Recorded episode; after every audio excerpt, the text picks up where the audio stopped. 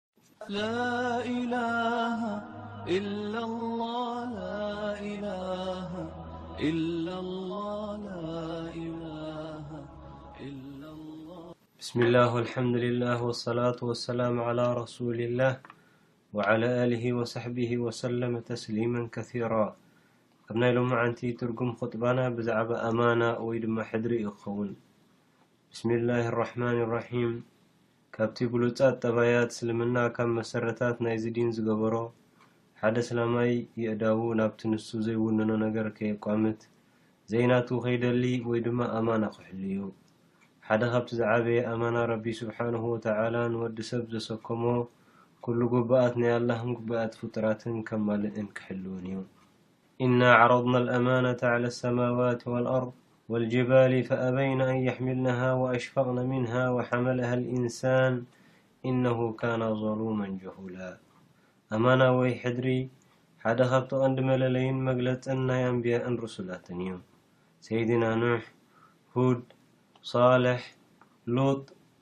ሹዐይብ፣ ኩላቶም ንህዝቦም ኣነ እሙን ልኡኽ ናባኹም'የ ከም ዝበልዎም ረቢ ስብሓነሁ ወተዓላ ኣብ ቁርኣን ይገልጾም። ኢኒ ለኩም ረሱሉን ኣሚን። ሰይድና ሙሓመድ ሰለላሁ ዓለይሂ ወሰለም ቅድሚ'ቲ ረቢ ስብሓነሁ ወተዓላ ናይ ነብይነት መዓርግ ሂቡ ልኡኽ ክኾኑ ምሕጻዮም ኣብ ህይወቶምን ኣብ ቅድሚ ህዝቦምን ብእሙን ይፍለጡ ነይሮም። ነቢይ ኮይኖም ምስ ተላእኹ፣ ህዝቦም ተጻቤቢኦሞም፣ ኣከላቢቶሞም፣ ዓዶም ገዲፎም ንምዲና ከም ዝስደዱ ገይሮሞም ክነሶም፣ ኣብ ኢዶም ዝነበረ ኣማና ንሰይድና ዓሊ ውክልና ብምሃብ ብሕድሪ ዝተቐበልዎ ንብረት ከነ ጎንዘብ ናብ ዋንኡ ከብጽሑሎም ተማሕጺኖሞም ንመዲና ተጓዕዙ። ኢነላህ የእሙሩኩም ኣን ቱኣዱ ልኣማናት ኢላ ኣህሊሃ ወኢዛ ሐከምቱም በይነ ናሲ ኣን ተሕኩሙ ቢልዓድሊ ይብል ረቢ። ረሱል ሰለላሁ ዓለይሂ ወሰለም ኣገዳስነት ኣማና ልዑል ምዃኑ ንምግላጽ ኣብ ዝኸጠብዎ ግዜ ውዕል ዘይብሉ ዲን የብሉን ኣማና ዘይብሉ ሕድሪ ዘየኽብር ድማ እምነት ወይ ኢማን የብሉን ይብሉ ነይሮም። ኣማናን ኢማንን ክልተ ዘይነጻጸላ ባእታታት ኮይነን ሓንቲኤን ተጠፊኣ እታ ሓንቲውን ዋጋ የብላን። ረሱል ሰለሏሁ ዓለይሂ ወሰለም ኣብ ሓዲስ ኣማና እንተጠፊኡ ምልክት ምቕራብ መዓልቲ ቅያማ ኢሎም።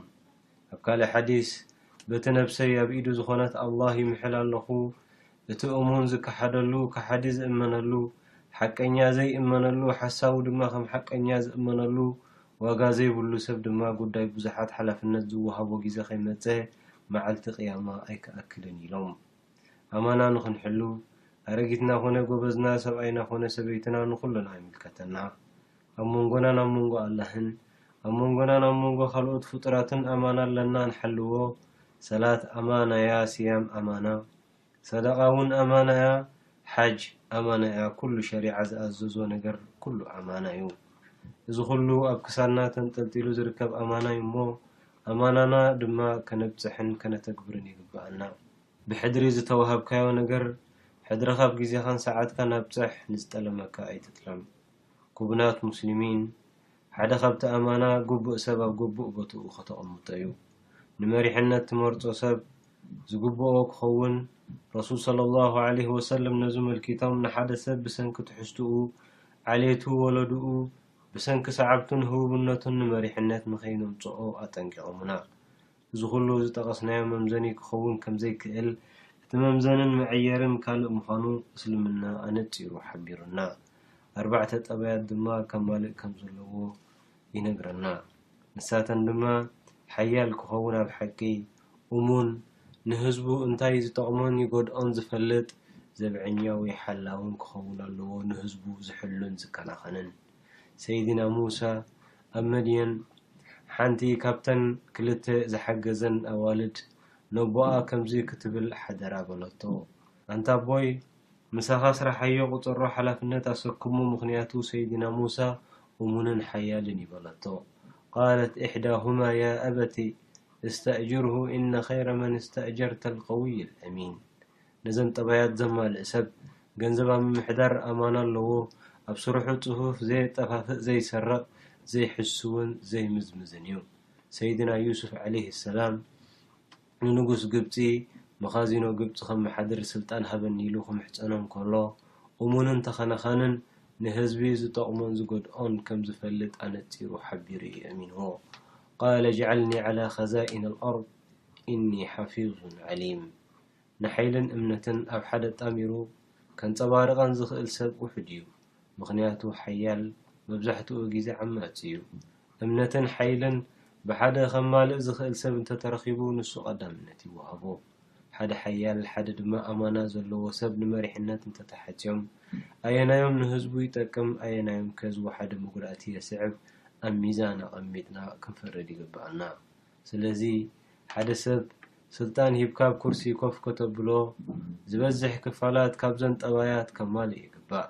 እንተኾነ ሓደ ሓይሊ ዘይብሉ፣ ኣማና ዘይንታዩ፣ ፍልጠት ዘይምልከቶ ክእለት መሪሕነት ንዘይመለለይኡ ኣብ ስልጣን እንተምጺእካዮ እቲ ዝኸፈኤ ናይ ጥፍኣት ጥፍኣት እዩ።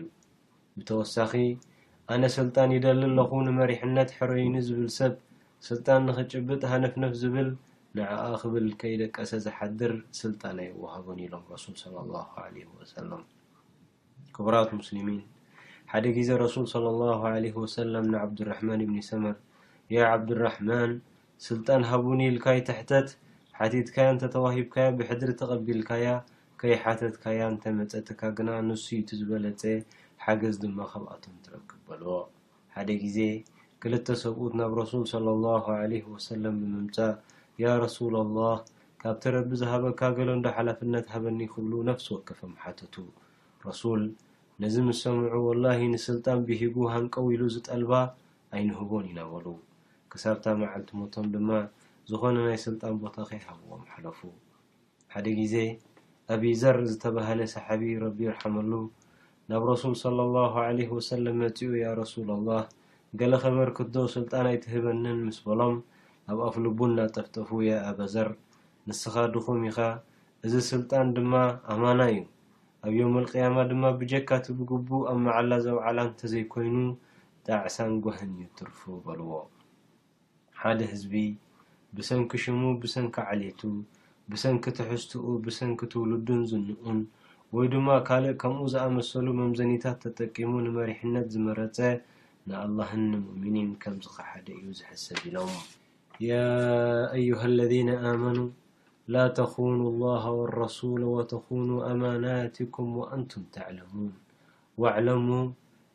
ኣነማ ኣምዋሉኩም ወኣውላዱኩም ፊትና ወኣና ላሃ ዒንደሁ ኣጅሩን ዓዚም ይብል።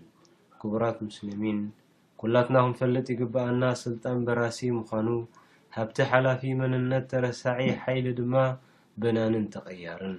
ኩላትና ከምታ መጀመርታ ኣላህ ሱብሓነሁ ወተዓላ ዝኸለቐና ብዕርቃንና ኣብ ቅድሚ ሓደ ኣላህ ዐዘወጀል ደው ኢልና ክንሕተት ምዃንና ከምቲ መጀመርታ ዝፈጠርናኩም ንውልቅኹም ኩሉ ዝነበረኩም ትሕዝቶ ሽመት ገንዘብ ውላድ ንድሕሪት ገዲፍኩም መጺእኩም ክብል እንከሎ ረቢ ስብሓነሁ ወተዓላ ኣብ ቁርኣን ወለቀድ ጅእቱሙና ፉራዳ ከማ ኸለቅናኩም ኣወለ መረትን ወተረክቱም ማ ኸወልናኩም ወራኣ ዙሁሪኩም ይብል ኣብ መዓልቲ ቅያማ ሽምካ ይወሓሰካ ወለድኻ ጸግዒ ይኮኑኻ ገንዘብካ ይሕተተልካ ስራሕካ ሓሚቓ ጸቢቓ ንዓ ሒዝካ ኣብ ቅድሚ ኣላህ ደው ትብል ብሽምካ ተጸዊዕካ ንሕቶ ትቐርብ ስለዚ ኣንታ ኣማና ተሰኪምካ ዘለኻ ኣማናኻ ብጽሕ ኣዱንያ ሓላፊት ምዃና ዘክር ንኹሉ ግቡኡ ከም ግቡኡ ብጽሓሎም ርዝነትን ክብደትን ኣማና ኣስተውዕል ኣላሁመ ኣቲ ንፉሰና ተቅዋሃ ወዘኪሃ ኣንተ ኸይሩ መን ዘካሃ